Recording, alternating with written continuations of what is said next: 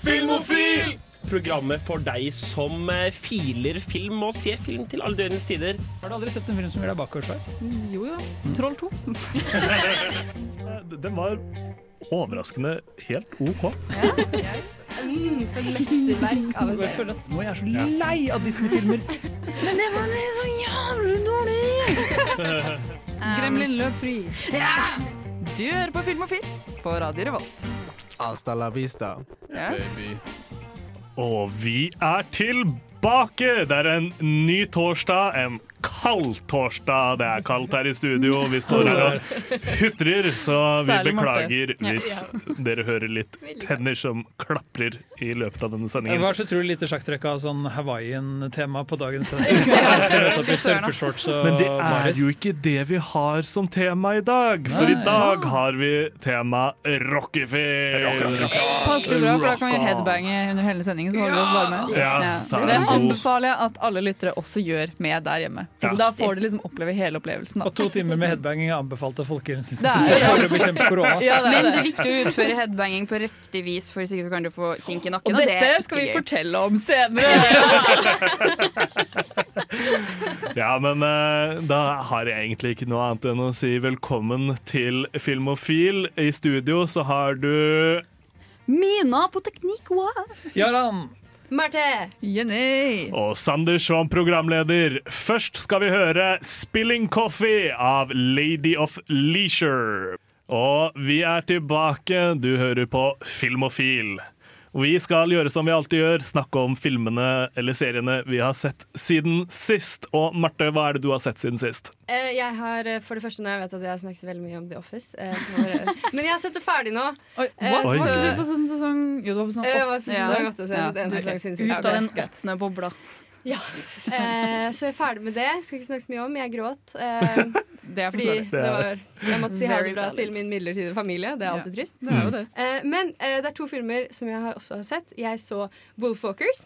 Oh. Eh, og jeg er helt enig, den var helt fantastisk. Den fortjente å komme på lista. Den fortjente absolutt å komme på lista. Jeg satt og drømte meg bort i bare fargene. Ja, det en og herregud. Begynte du å gråte av at den var fin? Jeg begynte ikke å gråte. Og det er veldig ulikt Hva er meg. her for noe? Jenny, vent til jeg får. Vent Ja, jeg får sett den. Jeg pleier alltid å begynne å gråte på sånne ting. Eller generelt. Når jeg ser film. Skal lite til. Eh, og så er den andre filmen som jeg har begynt å gråte på, som er en dokumentar som heter My Octopus Teacher. Ja, det er den, ja. Og jeg syns den var så fin! For det er en Det er mann den- som Kreft, er det det? Hæ? Jeg føler jeg har sett uh, trailer for uh, det, men uh, Nei, Den, det er- den ligger på NRK, gjør den ikke det? Den, jeg så den på Netflix, i hvert fall. Netflix, ja. Kan godt hende at den ligger der også. Eh, men det er en mann som er veldig veldig dypt nede altså sånn, i en depresjon og klarer liksom ikke å se noe lys med livet. Så han begynner å fridykke. Og mens han fridykker, så drar han til samme sted på over veldig, veldig lengre tid. Eh, og møter da en blekksprut. Dette er dokumentar, vel å merke. Det høres ut som en fiksjonfilm. Eh, og så begynner han å dra tilbake og møte denne blekkspruten hver dag. La meg gjette, Og de Hæ? Ja, den kjenner han igjen. Hallo, nå begynner jeg nesten å liksom gråte. sånn, og de skaper et bånd, og jeg, det var bare sånn sykt fantastisk. Altså sånn, og det er så mye forskjellige fisker og dyr, samtidig som man respekterer veldig på en måte naturens gang. Så når det kommer sånne haier, eksempel, som er, kan være truende, så backer han totalt off. Eh, og så er han bare sånn OK, uansett hva som skjer nå, så skal ikke jeg være den som på en måte spiller en rolle i dette her. Så det er veldig sånn Han vil bare møte Ja.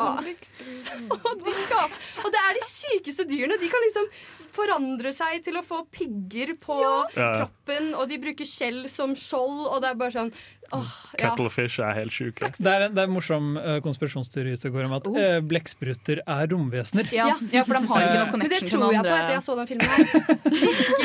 Fordi det de, er sånn de er sånn helt unike i dyrever- Mm, ja, ja, ja, ja, dyreriket. ja. Og noen har vært sånn Da må de være romvesener! Evolusjonen kan visst ikke være lunefull. Ja, og det her, grunnen til det er fordi at de ikke har noe annen connection med noen andre familier i eh, på en måte, det, Det er, det er en helt, helt unik art. Ja, de har. Ja. ingen, ingen Mm. bånd til noe. Nei. Men blekksprut er favoritt-sjødyret mitt! Da må du se The Octopus Teacher-middag. Den var kjempefin. Så fantastisk. Uh, jeg har sett en serie siden sist. Og eh, Det er en serie jeg har sett før, som jeg så opp igjen fordi det kom en ny sesong. Og det er eh, Bonding. Å ja, sesong to! Ja, Og Hva er dette? det er en serie som er helt fantastisk morsom og bra skrevet Mhm. og alt mulig. Uh, handler om en uh, homofil eh, eh, venn av en venninne som er en dominatrix. Eh, Ja, vent, jeg tror jeg har sett en plakat Ja. for det her. og Ja. det, er, det er en fantastisk godt skrevet uh, serie.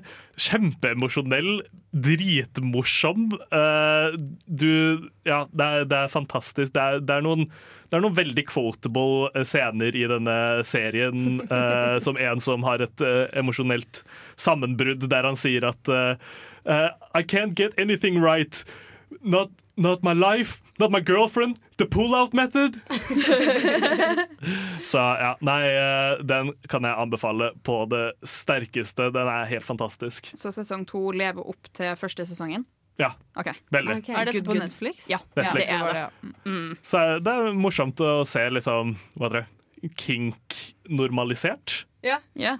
det er ikke så vanlig. Nei, eh, for ta tar liksom opp det at liksom at verden har blitt annerledes, da. Ja, ja. Så ja. Og spesielt med tanke på hele sånn 365 days og 50 shades og alt det. Det er sånn, uh, Ja, men det er jo- som det er det som så er edgy. Er Normalisert sånn, nå, på en måte. ja. ja. Det er jo Det er veldig mye av bonding som er sånn ha-ha, sex. Sånn pervo, ha-ha, morsomt. Yeah. ja, ja. At, det er veldig, at, det er mye, at det er mye fokus på at folk er rare fordi de har rar sex. Det, det er jo Men de er litt bare folk med Jo, jo, jo men det, Alle folk er rare. måte, det henter allikevel veldig mye humor fra det. Så det er nesten litt sånn uh, have you cake and eat it too-situasjon, hvor du både gjør narr av folk fordi de har uh, rar sex, og du på en måte snakker om at Men det er greit! ja, Det er jo litt det som er greia med bonding òg, da. Det er litt Ja, det er det jeg sånn mener. komedie. uh. Men det, jeg føler at de gjør det på en god måte. Ja, nei, Jeg vet ikke helt om jeg er helt enig med eh, det at de gjør så veldig mye narr av kinkene til folk. Eh, Jeg tror det er For meg så er det mer hvordan en relativt streit eh, homofil person reagerer i møte med folk som er helt åpne om kinken sin. Som er det som er humoren, og ikke humoren er kinken. Ja, ja, ja. Men uh, vi skal snakke videre etter at vi har hørt uh, Carola av uh, Cantona. Og vi er tilbake, og det er flere av oss som har sett film siden sist. Er det ikke det, Jenny? Nei, det er faktisk ikke det. Fordi oh, ja. jeg har sett serie. Oh. Jeg, jeg har sett film og da. Jeg har sett Kill Bill 1 og 2. Men det trenger vi ikke å snakke om, fordi filmen er amazing. Det er sant. det er sant, det er Men sant. jeg vil heller snakke om en mye bedre serien Zack og Codys søte liv til sjøs. Gorgeous. Fordi Nydelig. det er dette jeg bruker tiden min på. da Det er ikke skole. Og er Men dette er, dette er så klart de episodene som er regissert av Quentin Tarantino. Ja, selvfølgelig. For det hadde han tid til. Det ville han gjøre på fritiden sin. De mest blodige episodene. Ja, det er jo det. Alle, Mm. alle episodene av Psycho Cody er jo ganske blodige. Ja, De går og dreper Mosby hver episode. Ja. Ja, ja. Det er kanskje kjent som den, den mørkeste shonen-animen der ute. Psycho Codys uh, søte liv til sjøs. Riktig. Nettopp! Men uh, ja, fordi jeg har jo brukt tiden min på å se både Psycho Codys søte hotelliv, og nå da Zack og Codys søte liv til sjøs. Ja. Og eh, jeg må bare si, jeg så ferdig siste episode. Det er derfor jeg snakker om det i dag. Fordi jeg så ferdig siste episode Tenk at du så alt. Jeg så alt sammen. Men jeg så siste episode av Codys søte liv til sjøs i dag, og jeg gråt så mye. Og jeg skammer meg litt over det, men samtidig så er jeg sånn Nei, vet du hva? Det går fint. Hva, Du skal få lov til å være slutter det med? De har graduation på båten, og så er London lei seg fordi London endelig liksom appreciater Mosby for den han er. Oh, nei, er nå ble jeg litt for henne. Ja. Og så sier Do Cody at uh, I'm off to Riverdale. Bye. Ja, men Ja. det var Jeg lå i sengen og bare gråt så mye av den episoden, for det var så søtt. Hvor, slutt, hvorfor slutter det ikke med at de går til land?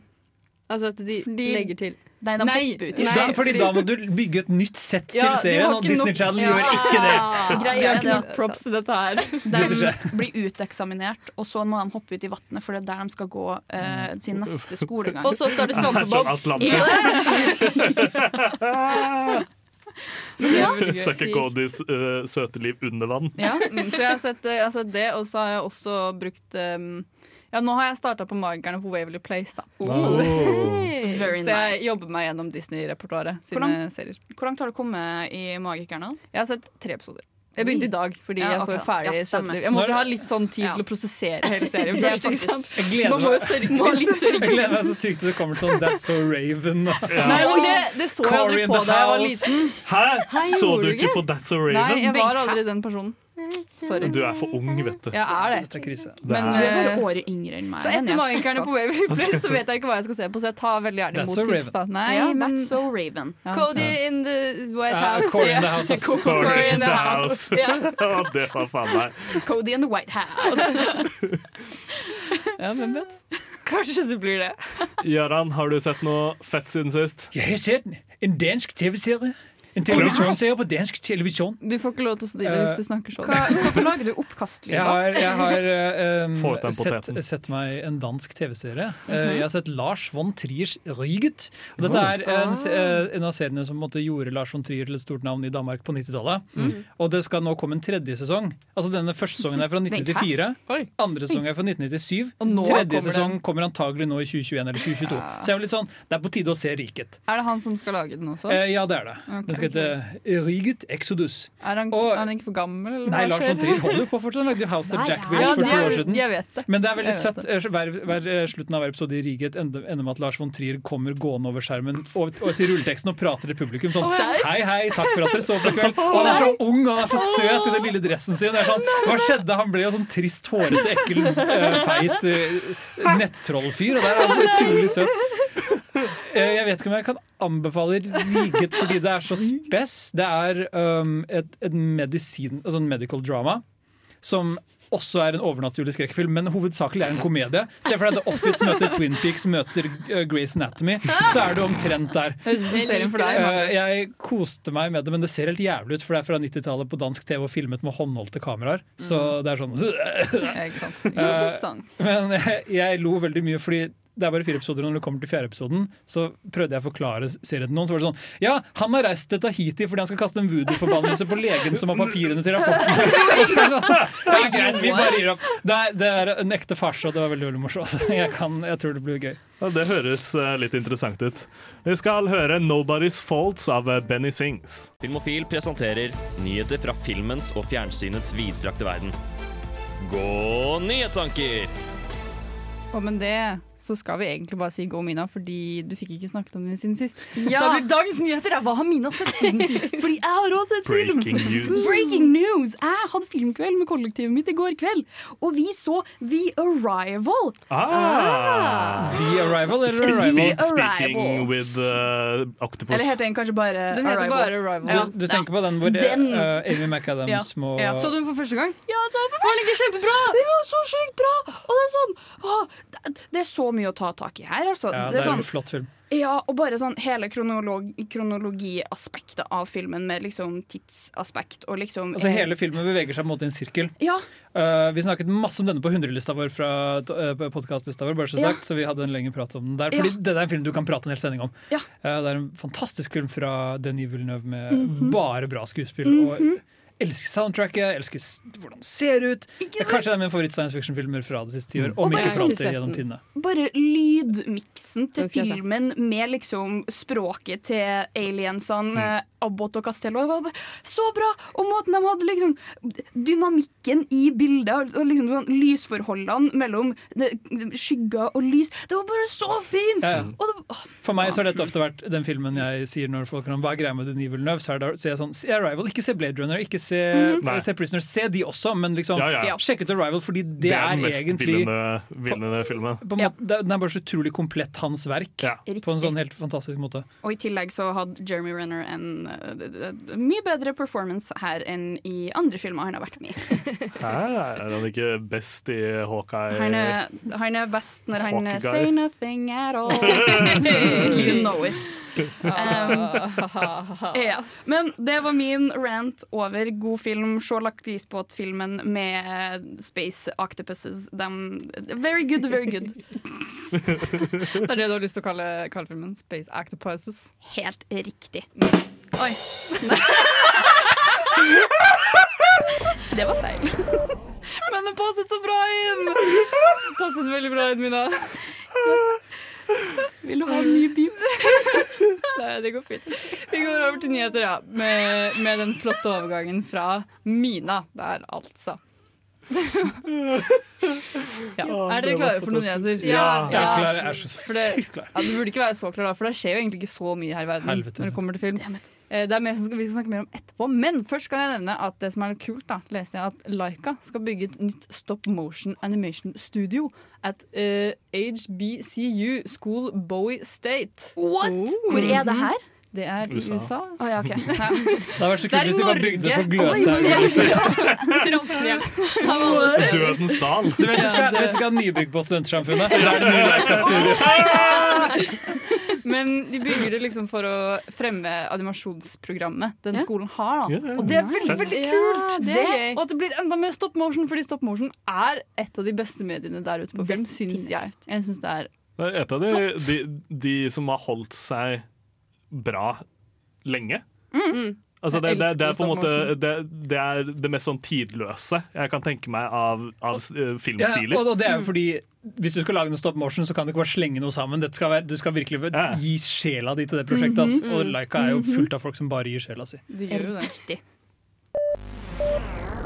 En bitte liten gøy nyhet til er at uh, Hayao Miyazaki skulle jo gått ut i retirement. Han gikk jo ut i retirement. Han har trukket seg sånn tre ganger. Men nå er det et overskudd som er sånn Han, ble så, han kjedet seg så mye at han begynte å uh, regissere igjen. Det som er For greia- in order to live! Det som er greia er at Sønnen hans lager filmer, og så er han sånn 'Jeg kunne gjort det bedre'. Ja, det, er det nettopp det han har gjort nå, for han har blitt med på Han har blitt med på sønnen sitt prosjekt bare for å være med å regissere igjen. Ja, det Som er er litt gøy. gøy. Så han kjedet seg altså og ville være med. Det skjønner jeg veldig godt. Han skal få lov til å gjøre det han vil. Han lager bra filmer. Ja, ja. Vi liker deg, bare fortsett med det du gjør. Yes. Helt enig. egentlig. Vi skal høre 'Gravity' av Brent Fayaz.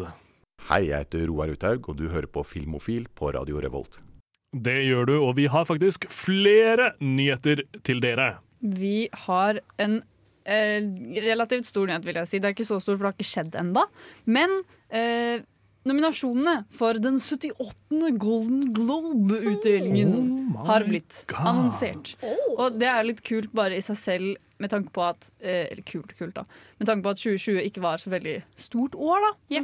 Og at de har likevel klart å skrape Like sammen noen Like stort som alle andre år. 360. Nei, det var faktisk 250 dager. i. Ja.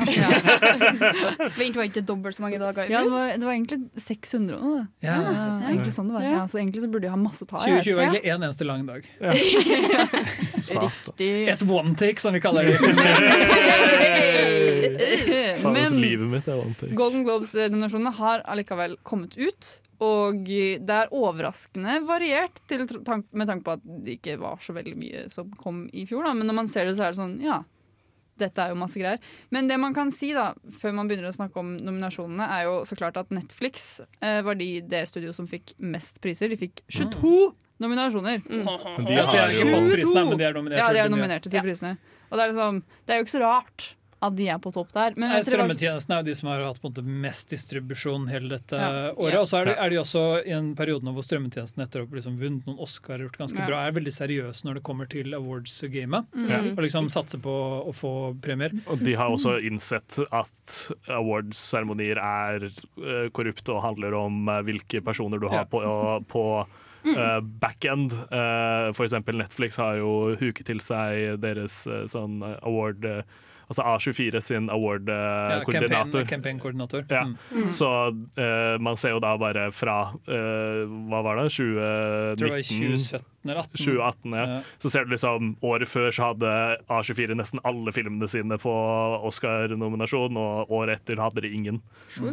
Ja. Dårlig stemning. Det. Du må ha budsjettet til å spandere middager på hele Hollywood eh, Associate Press. Mm. Sånn er det bare. Vi burde egentlig bare starte sånn som Reddit gjorde med GameStop. Vi bare, bare sponse alle, alle disse Ja. mindre selskapene. Som konkurrerer på Netflix. Ja, sånn at de kan stå i rampelyset for en gangs skyld. Men er, er gullkulene gullkulen uh, digitale i år?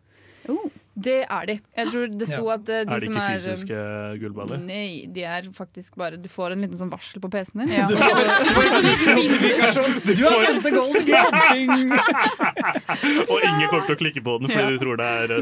For det er Tina Fey og Amy Poehler som skal være hoster. Og det står at de skal være liksom live fra det og det rommet. da Så Tina Fey skal være et sted, og Amy Porter skal være et annet sted. Og sånn green Så, room og ja, Får de ikke være sammen? Ja, men de kommer til å gjøre noe fett med det, vel. ja jeg vet, de er jo morsomme, De er- morsomme damer, så ja, det kommer nok til å gå helt fint. Men en annen ting som er også er litt gøy å nevne, er at eh, filmen som fikk mest eh, nominasjoner på årets Golden Globes, det er Mank. Oh, takk Gud for at det ikke var Eurovision, for et øyeblikk så var jeg redd for det. Eller The Prom.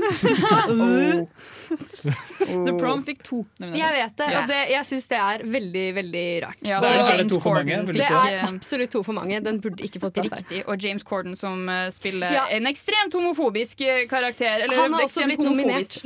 I know, I know, I know. Det er det som er Ja, men det er fordi LA elsker James Corden. Ja, men, men, men en James og... Corden? Er det han som Carpool synger? karaoke. Ja. Han, Problemet han som alle tror er homofil, men egentlig er straight? Ja, Problemet er at LA elsker James Corden, ja, men LA elsker all the gays, the queers. Ja. Så hvorfor lar de det her skje? Mina er sur. Ja. Men uh, Borat har også fått nominasjoner. Ja, very sånn nice. Tre, nice. tre nominasjoner. Maria. Bacalao Wow, var nominert for For beste beste kvinnelige kvinnelige. skuespiller. Yes. Veldig velfortjent. Veldig. Veldig, veldig velfortjent. Og så er The Crown nominert uh, mest, har fått flest nominasjoner på Oh. Television Series of Program. Oh, really? Program og det syns jeg er veldig fortjent. Blant annet hun eh, Hva heter hun? Hovedpersonen. Dronningen. Queen Hun som spiller The Fairies. Ja, du tenker på Olivia Colman. Olivia Colman. Ja. Hun har fått nominasjon blant annet for beste skuespiller, skuespillerinne. Men altså, For dronningen. hun har Og hun spiller så bra. ja, altså, hun, har, hun eier jo dronningrollen. Altså, for meg så er det sånn Gud er Morgan Freeman, og eh, dronningen er eh, Olivia Colman. Rett og slett. Det er jo det er bare sånn det er. Ja. Splendid. Og så er det Du er fornøyd med Limited Series? eh, Ja, Normal nominasjoner? People. Mm. Veldig fornøyd med at de ble nominert. Og Queen's Gambit. Hei. Det skal sies. Hey. Så jeg syns det står mellom de to. Det blir spennende å se hva resultatene blir. da Kanskje de bare gir alt til Eurovision. Ja, det bare Nå for alle, nå for alle Beste, beste TV-serie Eurovision! Best Men. Sound of Metal har også dukket opp på Ja. mange av disse nominasjonene. På Best Actor. Nei, blant annet. Og det er så velfortjent. Jeg har sett den filmen, og det kommer en anmeldelse senere i sendinga. Ja, ja, Så vi får vite mer Mer. senere. Wow. Se hva som skjer. Supert. Vi skal snakke videre etter Fruitcake med Subsonic Eye. Yes, vi er tilbake. Du hører på Radio Revolt, og vi er Filmofil. Vi har kommet til temadelen i sendingen. Oi, oi, Ferdig med å høre på oss skravle. Nå kan du høre på oss lay down the facts! Fy faen, dette her kommer til å bli så ekstremt eh, ordentlig, sånn som rock skal være. For hva er det vi skal snakke om, Marte? Vi skal snakke om drug, sex and rock and roll. Oh, bare jeg kan to to av ting. Bare the drugs and sex! Yeah. Nei, eh, vi skal snakke om eh, rockefilmer. Både rock'n'roll og fiskeball. Rock'n'roll fiskeball. Ja.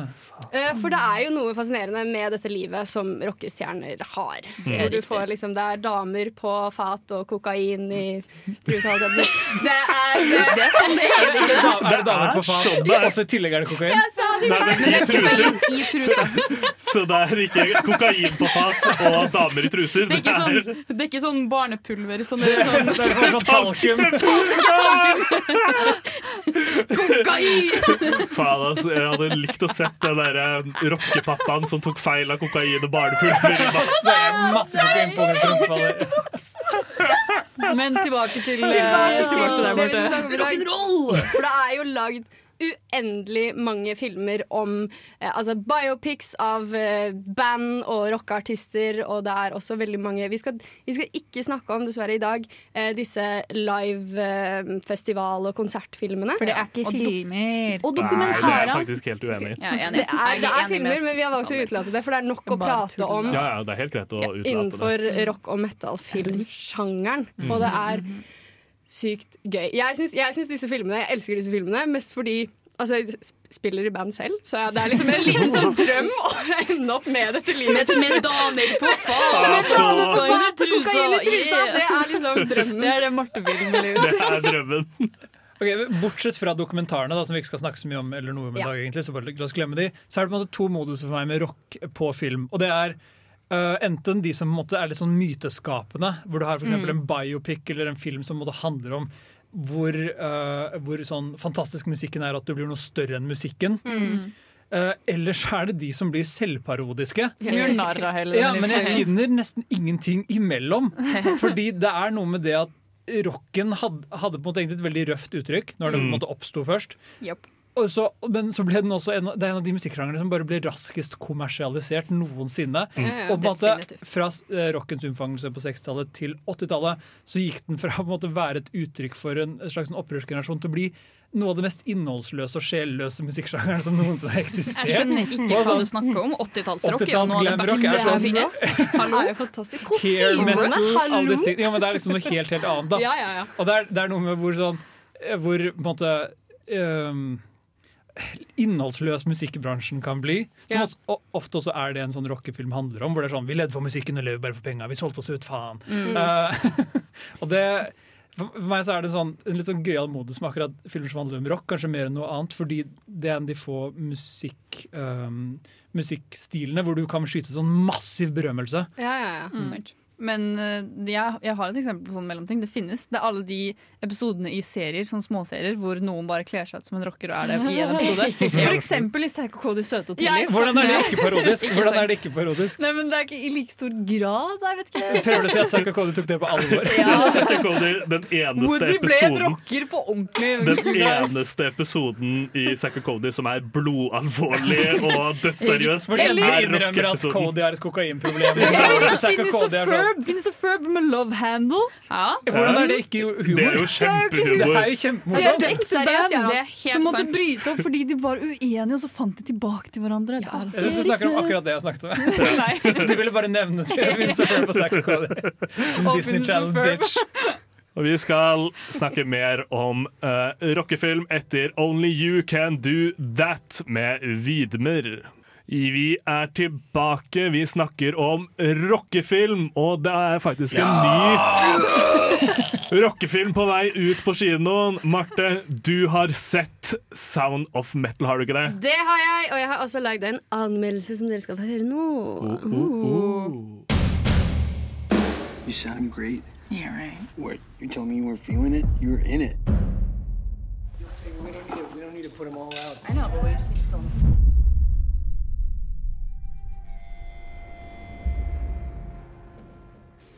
Alt snus på hodet når metalltrommis Ruben, spilt av Riz Ahmed, plutselig mister hørselen.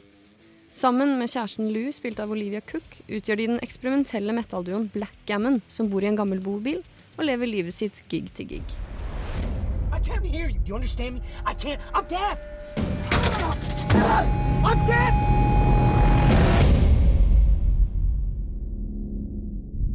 Found a place. I think it's important that you stay here with us right now, Ruben.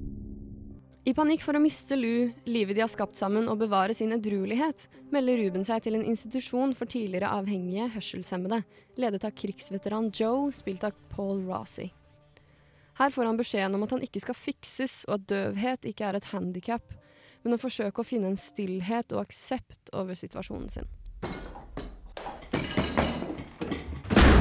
Try to save my life.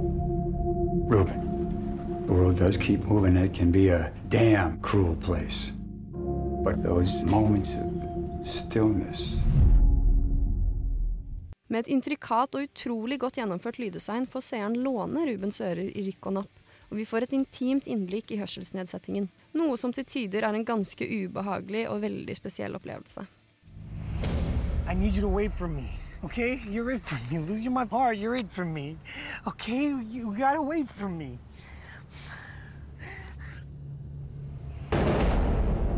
Regissør og medskriver Darius Marder forteller til New York Times at de samarbeidet tett med og intervjuet flere hørselshemmede i forkant av filmen, og at ingen opplevelser av å miste hørselen er den samme. Derimot er det en fellesnevner. Det å miste hørselen tilsvarer ikke stillhet. Lavfrekvensvibrasjoner og skarpe toner fyller kinosalen, og personlig har jeg ikke skvettet så mye under en film før, når det går fra Rubens ører til normal i anførselstegn, hørsel.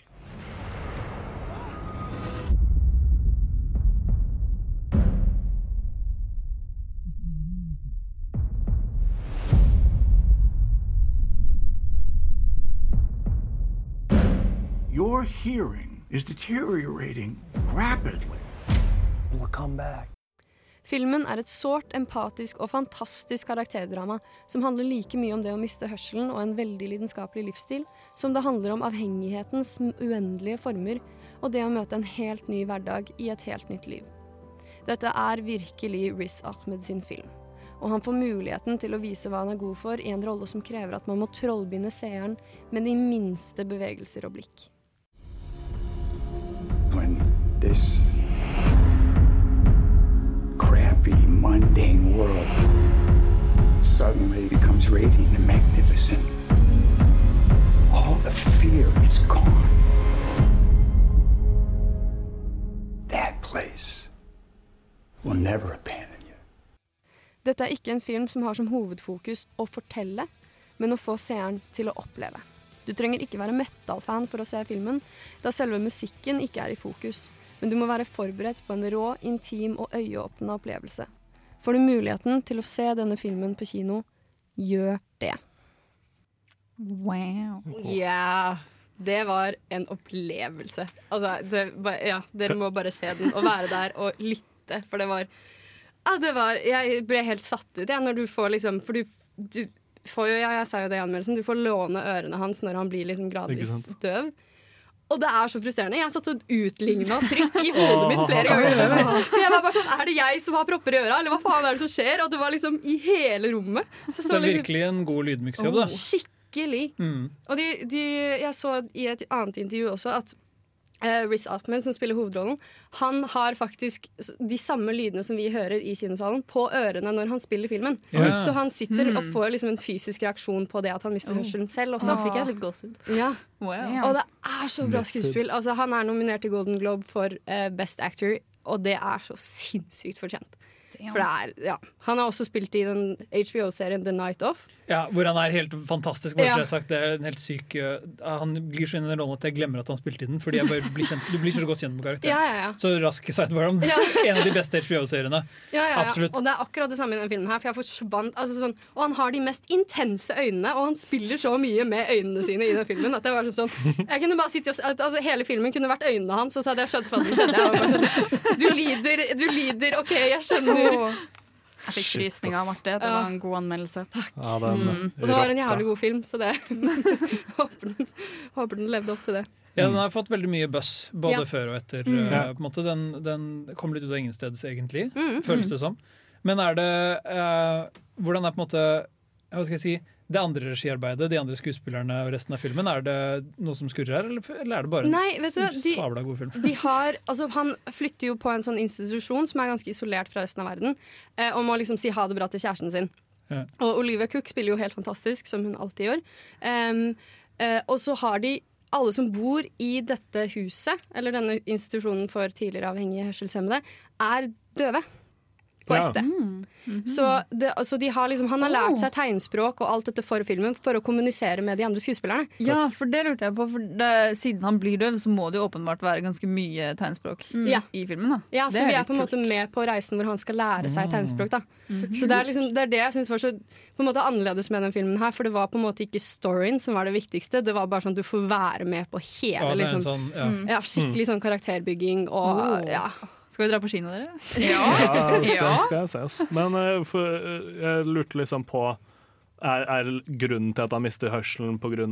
rocken? Er det en eh, liksom er En av dramaene er liksom at- Musikken sviktet meg! Ja, litt sånn, er litt sånn den type greier. de, de forklarer det på en måte ikke så veldig mye, og det syns jeg egentlig er helt greit. ja. For det er, sånn, det er sikkert litt sånn, sånn Beethoven-syndrom at det er, det er veldig mye støy. Så det er jo veldig stor kontrast, for han mister hørselen for første gang under en metal-gig. Mm. Og sitter og spiller trommer, og så plutselig så bare forsvinner lyden totalt. Og du Mm. hører sånn veldig sånn høyfrekvens pip. Ja, ja. for det er det som er premisset. Skulle si at han er trommis, og det er derfor fordi at jeg har spilt trommer før. Mm. Uh, tidligere trommis Mina her. Um, Holdt på å miste hørselen, men så gjorde du ikke det. Så det kunne vært din film. Så jeg, føler liksom, Det var derfor jeg ikke ville gå, for jeg følte at den ville ha treff for nært. Ja, ja, ja. Men det er veldig skarpe lyder når du sitter her bak trommesettet. Og i tillegg så sitter du og, uh, som regel ganske langt bak, opp med Mm. høyttalerne. Mhm. Så jeg vil tro at det er litt det som er Ja, for det er jo, altså, de er jo en liksom. sånn eksperimentell metal-duo, så det er jo Ja. bare de to på scenen. Mm. Så han er jo helt avhengig av å på en måte Mm. være, ha kontakt med Mm. hunden. Så, så terningkast er uh, kanskje veldig veldig høyt, men eh, på en rockeskala, hvor rocka er denne filmen? Ok, så det er jo det, fordi Jeg hadde ikke sett noen trailere og liksom gjort et nummer ut av det før jeg så filmen, for jeg ville bli overraska. Og det er jo ikke rocken som på en måte er Nei. i fokus. Rocken er mer som en kontrast til på en måte den døvheten som man opplever underveis.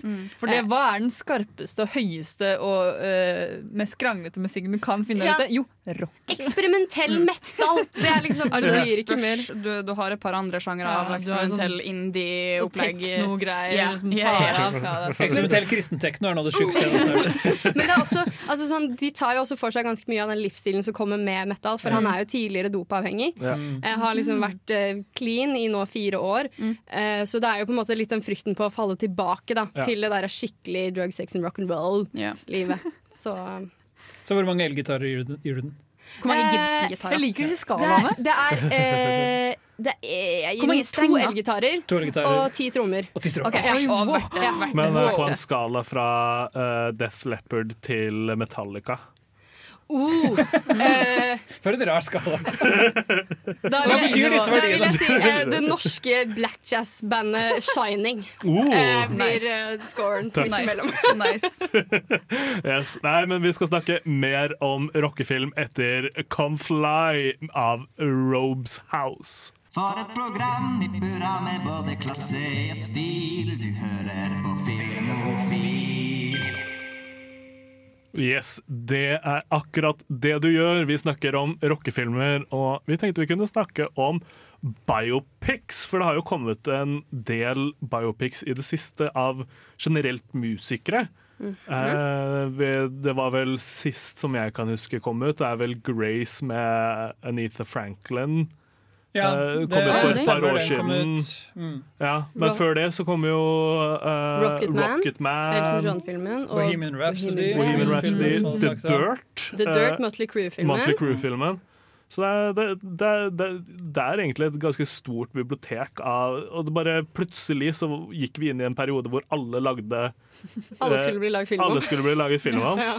Men det er rart at det ikke er Michael Jackson Jo men, jo, men, jo, men Michael Jackson hadde en film rett etter at han døde. This is the end. Eller, Ja. This is it. This is it. This is the end er en annen film med Seth Rogen og James det. Som også er veldig rocka, for så vidt. Ja.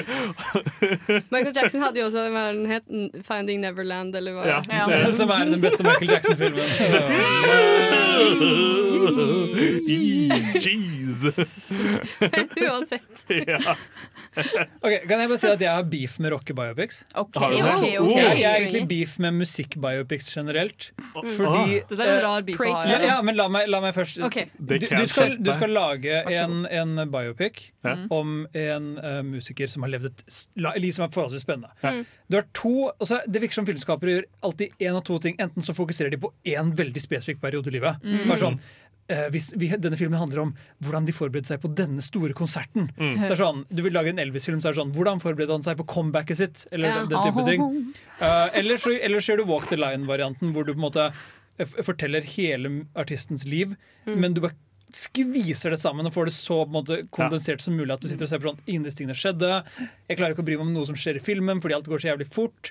Og det, sånn, og det blir bare en sånn drittfilm hvor du bare sitter og blir liksom bombardert med dette skjedde, dette skjedde, dette skjedde. Men vi måtte endre på hendelsen, for ingenting får plass i filmen. Så føler du bare en sånn overstøffa kalkun, og det er helt jævlig. Og uansett hva du gjør, så får du enten følelsen at du får altfor lite, eller altfor mye, men at ikke noe av det er gøy å se på. Og så blir du bare sittende her sånn «Ah, Musikken er vel bra, I guess. Altså, Joaquin Phoenix var veldig kjekk i Walk the Line. Jo, han- Joaquin Phoenix er alltid kjekk. Ja. Alltid helt fantastisk. Han er flink. Ikke i The Master. Han er kjekk i den. Åh, jeg elsker når Du har sex med den tingen i sanda. Jeg er bare sånn, ja, vis meg rumpeballene dine, Kim Phoenix. Han lager en, en dame i sanda, så knuller han den. Ja, ikke sant? Ah. Ja. Joaquin Phoenix var jo der disse var. Det er jo veldig metal, da. Det er jo Veldig sant. Men Johnny Cash er også veldig metal. Det er- Joaquin Phoenix er bare metallting. Jeg er, ganske, jeg er veldig uenig, eh, men det kan også være fordi at alle biopicsene jeg har sett, har vært med band som jeg er veldig veldig glad i. Så det er veldig vanskelig å være på en måte partisk til Da er det, da er det veldig vanskelig. Det er veldig, Ja. Sånn som Bohemian Rhapsody. Elsket den filmen. Jo, men jeg, jeg, jeg elsker jo. Queen, men det er jo en skikkelig kjedelig film. Nei, jeg syns jeg ikke det. Og så ser det ut som du har tisset på filmen, så den er sånn gul og rar. Skuespillere er så bra, og de ligner jo på dem. Det er jo Sier liksom, Jeg om drømmer meg bort i at dette faktisk er Queen. Den har tissa på? Nei, det ser ikke ut som har tissa på Blade Runner. Den har Blade masse Runner ser ut som du har vært dehydrert ganske lenge. Og Hva har Blade den. Runner Nei. Nei. Jeg skulle så gjerne ønske jeg skulle noen Lords of Mayhem kom ut, som jeg ikke har sett. Nei, Lords of Chaos, ikke, ja. som er uh, filmen om uh, Mayhem. Ja. Som jeg dessverre ikke har sett. Så, så virket det som så kult å liksom ta en skrekkfilmtilnærming til det. Mhm. Den fikk jeg aldri sett, men det virket som noe sånn Ja, gjør noe annet med biopicen. Jeg vil anbefale alle å se Walk Hard, The Dewey Cox Story. Som er en parodi på musikerbiopics med Ah. John C. Riley i hovedrollen. Den er litt sånn, jeg tror den er skrevet samme fyr som skrev Ricky Bobby, Talladega Nights. Yeah. Uh, den, altså, den tar de filmene så jævlig på kornet at du klarer nesten ikke å ta de på alvor lenger etterpå. For den parodierer så, Kanskje det er den som har ødelagt alle biopicsene for deg. Jo, men jeg syns, jeg syns bare de er kjedelige. Jeg bør kjede meg gjennom en biopic. Men det, det er subjektivt. Rocketman ja. var kanskje et av de få unntakene hvor jeg Ja. var sånn, det er glad for at det er en musikal. De gjorde noe annet. Ja, Det liker jeg. jeg, jeg, for jeg synes Rocketman er min favoritt av de biopicsene fordi de det encapsulata litt uh, personligheten til Elton Ja, John. den, Det- fang, den fanger noe ved hvem Elton John er, ikke bare hva Elton John gjorde. Ja, det, det var liksom filmens uttrykk. Ja. Ga uttrykk til hva Elton John på en måte er, da. Ja, men hva om? Hva om gutta? Okay. Hva om gutta? Ja, Hva om hva om gutta? guttene? Uh, fuck, nei. OK. Hva om, hva om vi tar Twilight? Hvor skal du med dette, Mina? Edvard Cullen er jo rockestjerne, for helvete! Kan vi ta premisset til Twilight og dele opp bøker? Skulle si vi deler ikke opp bøker Men vi, tra- vi drar den ikke like langt som Harry Potter. Vi tar og holder Twilight-formatet med fire filmer. Kanskje et par mindre. Fra liksom Men- to til fire filmer. Jeg tror jeg kunne likt en biopic-miniserie Ja. Ja, miniserie, ja, men fire Miniserie, filmer hadde kanskje vært Ja, okay, okay, ok, ok. Queen's Gambit. Queen's. Gambit. Jo, jo, jeg er med på den. Kjør Med det, The kjør det Stones. formatet med et eller annet. Ja. Ja, Åge Aleksandersen, for eksempel. Nei! Copyright er akkurat Ja, det- det- det- det var- Sykt sett det, det var Åge Aleksandersen. Anders Båtsmo Christiansen som Åge. Men da må det være en episode hvor, eh, hvor, hvor, hvor, hvor, hvor, hvor eh, Hva heter den igjen? Han Anders Jektvik. Dere og ned. Det er. Det som har velta må være en Det må være noe som velter den cola. Men har vi ikke egentlig det med sånn uh, Vaselina bilopphuggers? Det er jo rocka! Men det er ikke, er, blir det biopic? For det er jo på en måte Jo, De er nei, jo det må jo være er det det. det? Det er, noe, det er noe annet enn en biopic. Det er på en måte et, en sånn vehicle, eller som man okay, kaller det. En slags Jo, sånn, når, du, ja. når du bygger et konsept rundt uh, imaget deres. Ja. Oh, ja. Så det er på en måte en del av uh, Vazelina Bilopphøggers kunstneriske verk. Ja, så Er ikke litt livet sånn- deres som litt der sånn som- julekalenderen? jo, det er sant, det er sant. Litt sånn som Knutsen og Ludvigsen, da. Som Ja, på en ikke sant? Så er måte, på en måte hvor du blør utover bare det å være artist, men Ja. det blir noe Mm. Mer. Men det, så det er ikke en biopic. Hva, hva er den sjangeren? Det, det er liksom litt sånn meta over det. Ja. Ja, det, Ja. Vazelina Bilopphøggers, ass. det er om noe som har De skjedd brøt i alle virkeligheten. reglene. Vazelina meta-upphuggers. Det handler på en måte om imaget deres som de er Ja. utenfor. Men det, det er jo ikke noe krav at de må være på, måte, at de må være på kornet på all faktaen de har. Nei, For det, er jo, det faller jo gjennom i veldig, veldig, Det går, det går nesten nesten ikke an på Nei. film, fordi du kan ikke spille til ting i real time. Ja. Nei. Hmm. Nei, vi skal snakke mer om uh, rockefilm etter Set Free av uh, Mermaid. Er tilbake! Woho! Jeg har vært for lenge borte nå. ass. Ja, du hørte A Mistake med Lokoyo.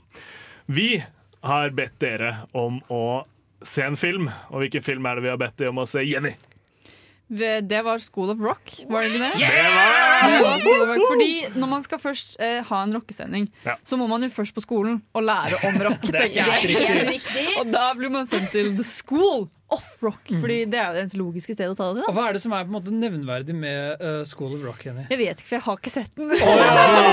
Men la meg fortelle Ja, gjør det. Det er nemlig slik at uh, um, Jack Black, mannen fra Kanskje best kjent fra The Holiday, uh, juleklassen. Eller Jumanji. Ja. Det er for så vidt sant. Jeg kjenner ham best fra The Holiday, i hvert fall. Han er jo med, han er, men det er jo liksom Han skjønner ikke seg selv best fra Nei. Nei, han glemte at han spilte i den filmen i et intervju her om dagen. Det er Det er det som er morsomt. Uh, men poenget er at han har på en måte bygget sitt image rundt å være en sånn rockedude. Ja, du på bildet av han også, så er han litt sånn Ja, han er alltid, han er alltid Sign of the Beast ute på, med hendene. Alltid litt sånn dobbelthake, alltid litt sånn røft band-T-skjorte. skjegg. Og, Ja. liksom alltid- og så er han jo i tillegg del av uh, den flotte humor-slash-rockeduoen Tenacious D. Men det er på en måte ingen andre i i Hollywood som Og det er rart, for det andre Hollywood-rockestjernen der, Jared Leto med 30 Seconds to Mars, Ja, ja. er på en måte en rockestjerne, men han er så jævla kjip! Det har du helt rett i. Og eh, Johnny Depp har jo spilt i Vampire, Hollywood Vampire Vampire Diaries. Ja, det er også Jo, han spilte i han, han spilte i Interview Nei, det gjør han ikke. Eh, men han han har også et rockeband, og det er andre musikere. Men det er noe med at Jack Black har bare omfavnet den derre den biten av rocken som er koseligst. Ja, ja. Og på en måte bare tatt den med seg inn i personene og imaget sitt. Og det var på en måte ingen som var mer naturlig til å ha den rollen som han har i School of Rock. Det er litt sånn, Han har embraced det vi alltid sier om festivalpublikummet i Oppdal på Ramaskrik. Det er de koseligste folka, men de er alltid litt sånn rock on, folk. Ja, det, er liksom, det er liksom sånn Jack Black er også. En koselig fyr som er litt sånn edgy. På sin måte. Og det er veldig, det er veldig kult. School of Rock er jo historien om en, en fyr som lever for musikken. Han ønsker å være en rockestjerne, men han det betaler ingen penger fordi han lever i sånn han lever med en kompis eller i kjelleren til kompis. Eller, jeg husker Ja. ikke helt. Mm. Også, han er litt sånn loser, litt sånn som Jack Black ser ut. og, så, og så finner han ut at shit, jeg må skaffe meg en jobb, så han får jobb som vikarlærer. Ja. Band teacher på, På sånn veldig ja, preppy uh, ja. Sånn, jeg, har, jeg har lyst til high school eller middle school. Et eller annet. Så det er bare han og masse små unger og foreldre. Og foreldre sånn, vi vil at barnet vårt skal spille piano og cello. Han er sånn Nei, nei, det er rocken! Så, så han lærer de uh, hvor fet rocken er, og så skal de, så skal de uh, uh, redde bandet hans ved å opptre på en talentkonkurranse som rockeband. Og alle foreldrene er litt sånn Hu, er dette greit? Han gjør, det, han gjør disse ungene til rockebandet sitt, fordi han, han blir kasta ut av det bandet. Han Ja, det er det han blir. Så, og jeg tror, jeg tror faktisk, hvis jeg husker riktig, så får han Det er egentlig ikke han som får den der lærerrollen. Det er kompisen som han bor med, som blir oppringt Det er sånn det er. ja, ja. og spurt om Hei, kan du være substitute teacher for denne denne klassen. Ja. Og så sier han bare sånn yeah. Ja, jeg kan gjøre det. og så begynner han å lære disse barna om rock, og få Ja. dem til å elske rock. Og For det første tror jeg det er det mest sjarmerende Jack Black noensinne har vært. Jeg liker han skikkelig godt i rollen. Ja. Jeg tror bare han er seg selv, men det funker kjempebra. uh, og for det andre så er den regissert av Richard Linklater, kanskje best kjent fra Before-trilogien. uh, Dazed and Confused, yeah. Boyhood. What? er det Det er samme regissør. Og det er, det, er, det er så morsomt at du har en sånn amerikansk i hermetegn autør som også lager disse artige eh, på sånn komediene. Men den har en sånn litt sånn ekstra laidback-preg nettopp fordi jeg tror den er laget av Linklater. Som gjør at Mm. den er bare sånn Mm. Det er en skikkelig gøyal film å henge med. Ja, ja. Den er bare liksom De bryr seg ikke så mye om alt annet. De bare lager en film de syns er hyggelig. da, på en måte og lager en Tror det, film. Men den er jo Den bruker mange gode komediske grep. Da, så det er Ja, ja. ikke Nå skal jeg komme med en eh, fun fact. Jeg føler det har vært lenge siden jeg har hatt fun facts. Oh. Um, Mina er tilbake. Det er ikke bare Jack, Blacks, uh, Jack Black som spiller i den her. Nei, vi har òg Mike White. Altså Ingen- kjent fra Whites Nei, fra, Ah, ja, fra- er det han fra- Walter White. Ah, jeg bare syns det er gøy at han heter White etter noen. Det har ingen betydning! Det er, det er bokstavelig talt definisjonen på fun fact. Det er en fakta som vi lo av. Ah, jeg tok den Jeg var sånn, Hvem er denne White-fyren? Det er ikke Jack White. Hvem er det da? Er det? Hva heter han i REM? Han har vært med i Orange County, The Good Girl eh, og Chuck og Buck. Vi er nå fans av Mike White. Jack Black og Mike de til sammen utgjør uh, yin og yang. Ja. Mm. Salt and pepper. Og så er det noe med hvor søte barna i School of Rock blir når de går fra å være sånn små nerdebarn til å få liksom Jack Black er sånn Nei, røff opp håret ditt litt. og Ja, ja. kom, og- eller sånn Ja. style-gitar. Yeah! Skikkelig. Cobra Kai. Og så blir han, altså, han blir så, jo, men det er litt sånn Cobra Kai, eh, bare at det er mye mer holdsom. og så er det alle de sekvensene hvor han er sånn Hva skal jeg gjøre med disse ungene? De kan jo ikke rockeinstrumenter. Men han sånn Celloen er ikke så forskjellig fra elgitar! La oss prøve det! Jeg kan spille klassisk piano, du spiller keyboard nå. Lager de, lager de en Els-cello? Eh, Nei, det gjør de ikke. Åh. oh, det hadde vært Men det finnes, tror så jeg. kult. det er Ja. ikke så fett. Ja, Sånn. men bare sånn eh, Ja, det hadde vært eh, Ja. gøy. Så er det jo verdt å nevne at eh, han også på en måte, Jack Black har jo laget en film om bandet sitt. Ja. Dashes D and Ja. The Pick of Destiny, som er Yes. ganske morsom, den òg. Det er Men den fantastisk. faller mye hardere inn i sånn stoner-komedieterritorium, Ja, ja, føler jeg. definitivt. Veldig. Den prøver også mye hardere å være morsom. De har jo Men gitarbattle mot morsom. djevelen. Men Det er djevelen som er spilt av Dave Cruel. Nei, det er ikke filmen, det er bare musikkvideoen for en annen, for en annen låt. Er det ikke det? Er det det? Er du sikker? Er det ikke det som er, er det ikke det som er musikkvideoen for Tribute? Jeg tror ikke det er i filmen. Er du sikker på At at det det ikke bare er er i en filmen? skuespiller som har vært med å spille Nei, jeg tror ikke- jeg tror ikke djevelen er- er djevelen er i- uh, sånn, ja. fyren uh, Dave Jeff- Cruel. ja. Eller er det fordi det er to uh, Tenacious D-filmer, og jeg har kanskje bare sett den ene. Ja, mulig. Nei, det var det vi fant ut av. Det er bare én film, men det er to serier i tillegg. Ok, Ja, fordi altså hadde Jack en- Black står på da med, med dette rockepersonet Oh, yes. sitt. Han Jeg har sett dem live for å skille det. Var kjempegøy. Ja, men det er Ja, morsomme. Tenacious Det er sceneshow, da. Det er jævlig sceneshow. Jeg ser for meg at det er på linje med Iron Maiden live. Oh. Ja. Jeg ser for meg Iron Maiden, men bare to folk på scenen, liksom. Tok han med seg den der Saxo-beast-greia Ja, si? Det er Dave Grohl Ja, det er som Dave er som spiller uh, The. Devil Ja, det var det jeg uh, det det, ja. Tenacious D. Jeg trodde det var en Up musikkvideo, men det Det er har det. jeg aldri Det har jeg ikke lagt ikke meg høre Det for mye på er så jævlig gøy. ass. Men, men han, han Dave Grohl har jo vært med. Jeg synes han er litt kul for å bare ta litt sånn småroller her og der. Uh, I den nyeste Bill and Ted så spiller han også en sånn liten sånn uh, cameo-rolle. Ja. Så det, det er tøft. Jeg synes, uh, synes Dave Grohl er en kul tyr. Ja, han er, han er også. Han er en kul tyr også. Ja. Nei, Blant, men de djevelen beste er- oksene. Ja, det er jo det. Men djevelen er jo en geit, ikke en oksegutt, da! Fordi Satan. Ja, ja. Rock and roll. ja, ja. Det er du vet ikke, dette Enda en fun fact fra Mina. Ja. Du er rett og slett litt for streit, eh, Alle som har sett The Witch, vet at djevelen er en geit. Det er helt så Og, ja, men det er fordi Gud er et lam. Og uh, djevelen er da en geit som er eh, den liksom ganske like, da. Men uh, vi skal snakke uh, videre etter at vi har hørt 'Tribute' av Tenacious D. Hi, this is Brian Usen. I'm the producer of Reanimator and the director of Society, and I'm with the Filmophile people, and uh, we're all having a great time. En, to, top tre! Der klarte vi det faktisk. Ja, ja. Nå er vi tilbake, nå er det i gang. Nå, nå er semesteret endelig startet. Endelig ferdig. Nei. Erklærer dette semesteret endelig åpnet. Woo! Woohoo! Ferdig. Ja. Det Yes. stemmer. Ja, du jeg tenkte du skulle fortelle alle om vår tradisjon med å holde en topp tre-liste i hver Nei, sending. fordi- Og så klart har jeg laget en topp tre-liste til deg, Sander. Og til deg, Mina. Til deg, Marte. Og til deg. Bitte litt igjen. Meg også. Kanskje minst til deg. Ja, jeg tror Jeg det. vil Vi har ikke- ikke lyttere. Jeg vil også er- dedikere denne listen til Gud. Ja. Og Satan. Rock on. Rock Det stemmer, fordi temaet i dag var jo rock. Ja. Så jeg tenkte naturlig nok eh, jeg må lage en, en topp tre-liste om min favoritt-rock-film, nemlig The Rock. Eh, og det var allerede da jeg innså at jeg hadde feiltolket oppgaven. Heldigvis eh, så er det hele tre rockelåter i eller det er rock med veldig lite trykk på rocken og veldig mye trykk på låter. Eh, pop og rock vil tenker jeg dette faller innenfor.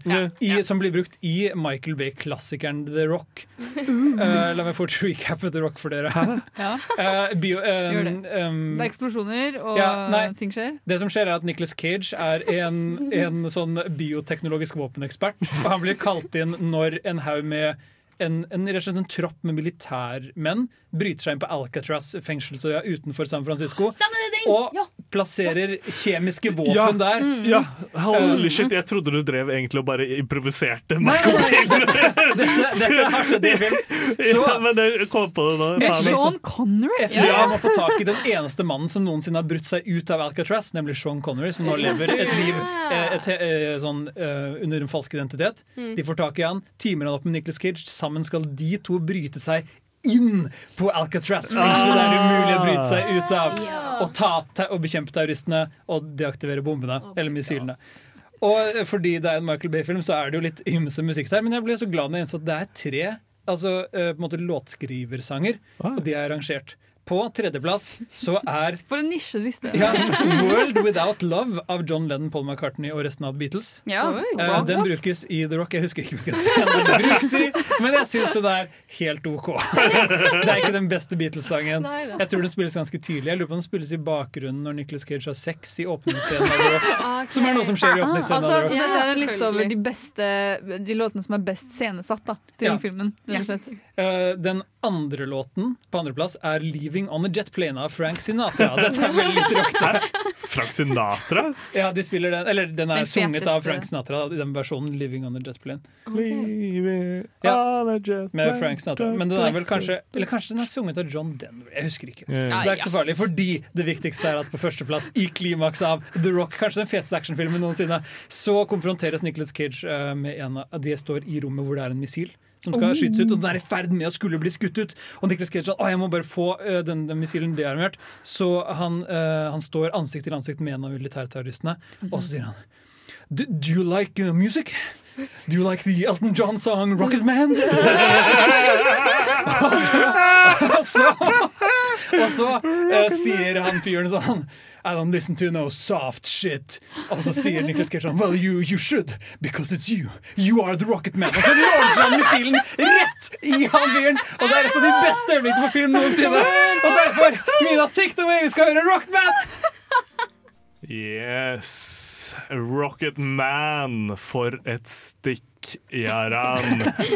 Og fra Rocket Man til Ricky Man, eh, Ricky Gervais. Vi skal snakke om Spinal Tap! Hva er dette med Ricky Jarvais? Han er? Han er ikke med i den.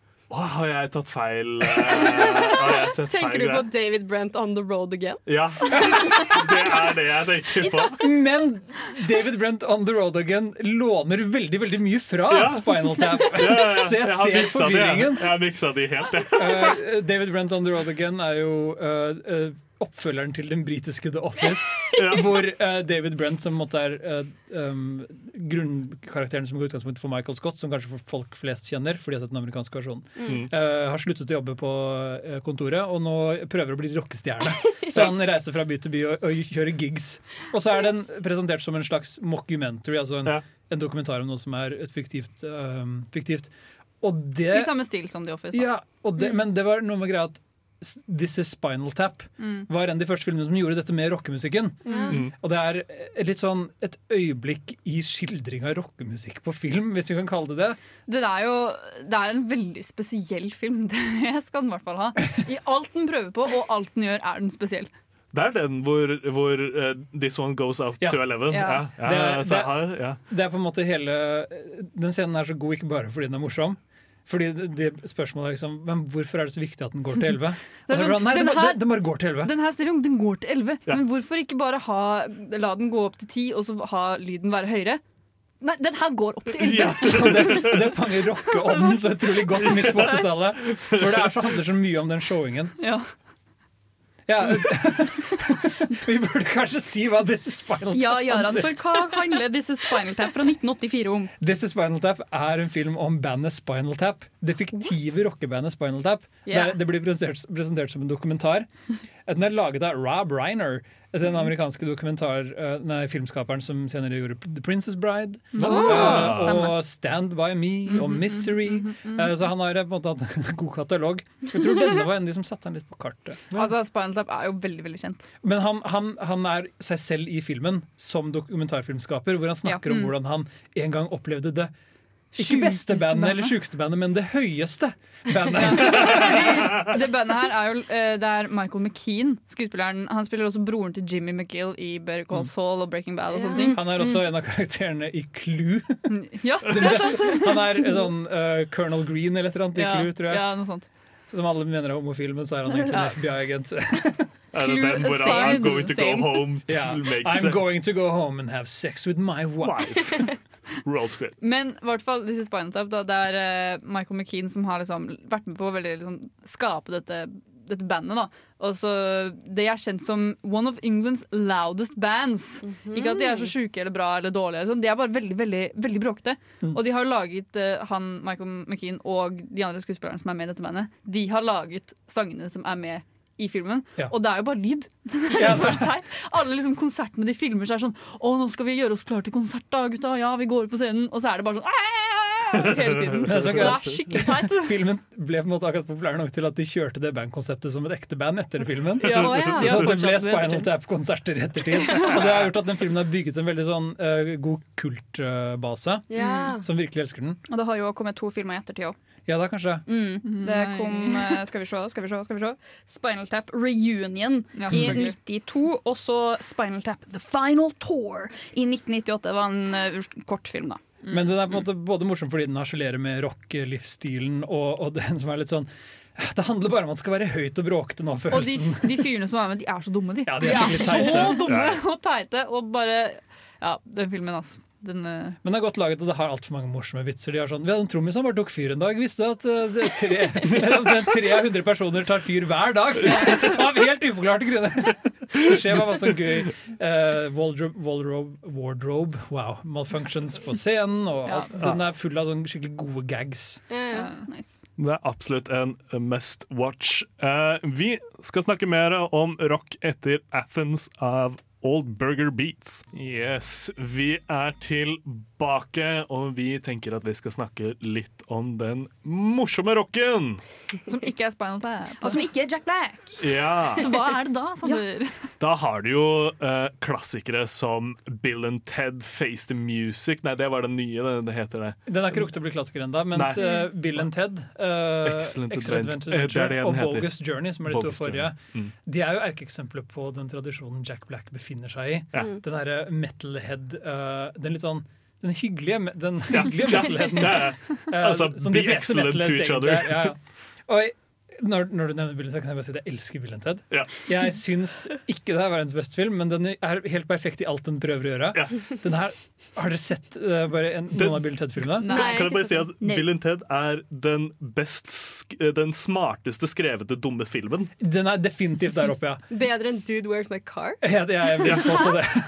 Eh, konseptet med Bill and Ted er at Bill and Ted er to high schoolers som eller De er liksom litt sånn slackere og metalheads. De er, De, de er stoner uten at det er ja, de er, de er stoner liksom. minus stoner-livsstilen, Ja. de, men de elsker eh, rock.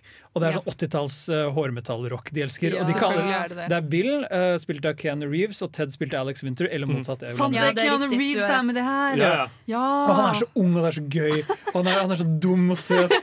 Og, og de er så dustete, men de prater på en veldig sånn rar måte. Yeah. Den derre Be excellent to each other. Rock on, dude! Yeah, og de, de, er så, de er så sånn surfer-dudes, men de liker metal. Det er egentlig det de er. Ja, ja. Eh, og så holder de på å stryke historieprøven sin. Så George Carlin spiller en fyr som heter Rufus, som kommer fra fremtiden, for å fortelle dem at hvis de stryker på historieprøven, så kommer de aldri til å forme bandet sitt The Wild Stallions Oh, no. og bringe verdensfred. Ja. Fordi, fordi i Bill and Ted-universet så er det naturligst neste skrittet for MTV metalhead-kultur verdensfred. Ja. Så Bill and Ted må reise for en eh, tidsreisende telefonboks som kan reise gjennom tiden, så de kan møte historiske figurer, så de kan lære seg historie før de skal ha historieprøve dagen etterpå. Altså, alt dette her gir jo mening. Ja, ja, ja. Det er veldig metal. Veldig metal. Veldig.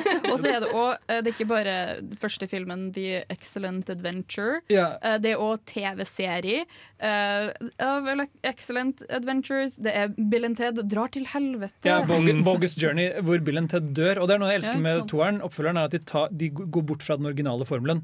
De innser at dette er ikke en filmserie om tidsreise, det er en filmserie om disse to dudene. Ja, og ta videre på det, liksom. Og De er bare så gode sammen, og den er så bra skripta. Det er så utrolig mange sånne gode ideer. Og sånn. Det er så tight satt sammen til å være en dustfilm. Og Avengers stjal tidsheist-plottet sitt fra siste akt av Bill and Ted, så søk ut. Oi, oi, oi, oi, oi. Men vi skal høre Post People av Heave Blood and Die. Vi Klar er og klar. tilbake! Jenny, take it away! Jeg trodde du var klar. Ja, jeg er så klar, jeg. Ja. Fordi, for å ta det helt eh, ned da, på, det rocke, på den rockeskalaen vi nå befinner oss på, så eh, det finnes jo Er vi nede rockefilmer på softrock nå? Ja, vi på softrock. Oh. Eh, for kidsa der ute. Fordi du har jo filmene som er sånn om det ordentlige sex, drugs rock and roll-greiene, men så må du jo ha noen som appellerer til barn også, ikke sant? Ja. Mhm. for at de skal bli inspirert til å liksom Alltid De driver med musikk og rock og plukk og velge sant? og rock. Ja, ikke sant? Jeg har alltid vært fascinert av har vi drugs og de, sex. Med en gang vi sa eh, at vi skulle ha hatt et tema med rockemusikker, så var det første jeg tenkte på da Camp Rock Same. og Olsenmann jr. på rockeren. Fordi de har rock i tittelen, Ja. så da må det være godkjent å snakke om de, tenker jeg. Det er derfor jeg lagde en liste om The Rock. Ja. Og Det Jeg så Camp Rock eh, rett før jeg kom hit på sending, faktisk. Det er så sykt lenge siden jeg har sett den. Fordi jeg har sett så mye i dag! Først så gråt jeg Second Codes, og så det Camp Og jeg har gjort så mye skoledag også, jeg vet ikke hva den dagen har vært. Det har vært en dag Men i hvert fall, eh, Camp Rock det, det er en film jeg ikke har sett på veldig veldig lenge. Eh, ikke se den på nytt, dere, for den er så klein. Det er, det er helt forferdelig. Ja, for det, det, Jeg det, det, er Joan, det, er en av Jonas Brothers. Nei, det er alle Jonas Brothers. Alle Men det er Demi Levato er på sommercamp, som er sånn rockeworkshop. Mm. Og så er den en, eh, Jonas-brødrene spiller et annet band i det fiktive universet. Og så skal de, en av de må være der som sånn community service eller Ja, noe. fordi han er Som så sykt rocker- bad boy, ja, og så må han være der for, fordi han ikke vil. Og så forelsker de seg, så Ja. Han er en DUI med hard drugs og har blitt Ja, sendt men det som faktisk er, det som er litt fint med denne filmen også, er at den handler faktisk mest om musikken, og ikke om liksom Ah, Demi Lovato, Joe Jonas, woohoo, vi er kule! Uh, og det er jo veldig fint. Men uh, også Olsenmann jr. på rockeren. Nå fikk vi ikke snakket like mye om den. da, Det var litt Men der trist, er det jo faktisk rockemusikk. Der er det kjempemye bra Ja. rockemusikk, og det er masse bra musikk. For det handler om at de skal liksom Olsen, nei, Egon sin skikkelig store plan er å vinne liksom rockemusikkonkurransen, da. Og da eh, deltar de med Valborg o-o-je-je. Hei, mitt navn er Atle Antonsen. Du lytter til Filmofil på radio Revolt, og det gjør du helt til programmet er ferdig. Det er det faktisk helt ferdig nå. Vi eh, skal faktisk takke for oss, og vi tenker vi skal gi dere en liten hjemmelekse, for neste gang så skal vi snakke om Tarantino. Og da tenker vi at dere burde se Jackie Brown. Stemmer. Hans tredje spillefilm eh, er hjemmeleksa til neste uke. Den er Ja. veldig bra. Veldig bra. Vi gleder. Vi gleder oss. Vi har vært Mina på teknikk. Jaran! Marte! Jenny. og Sander, og dere skal høre Curly Romance av Pompoko.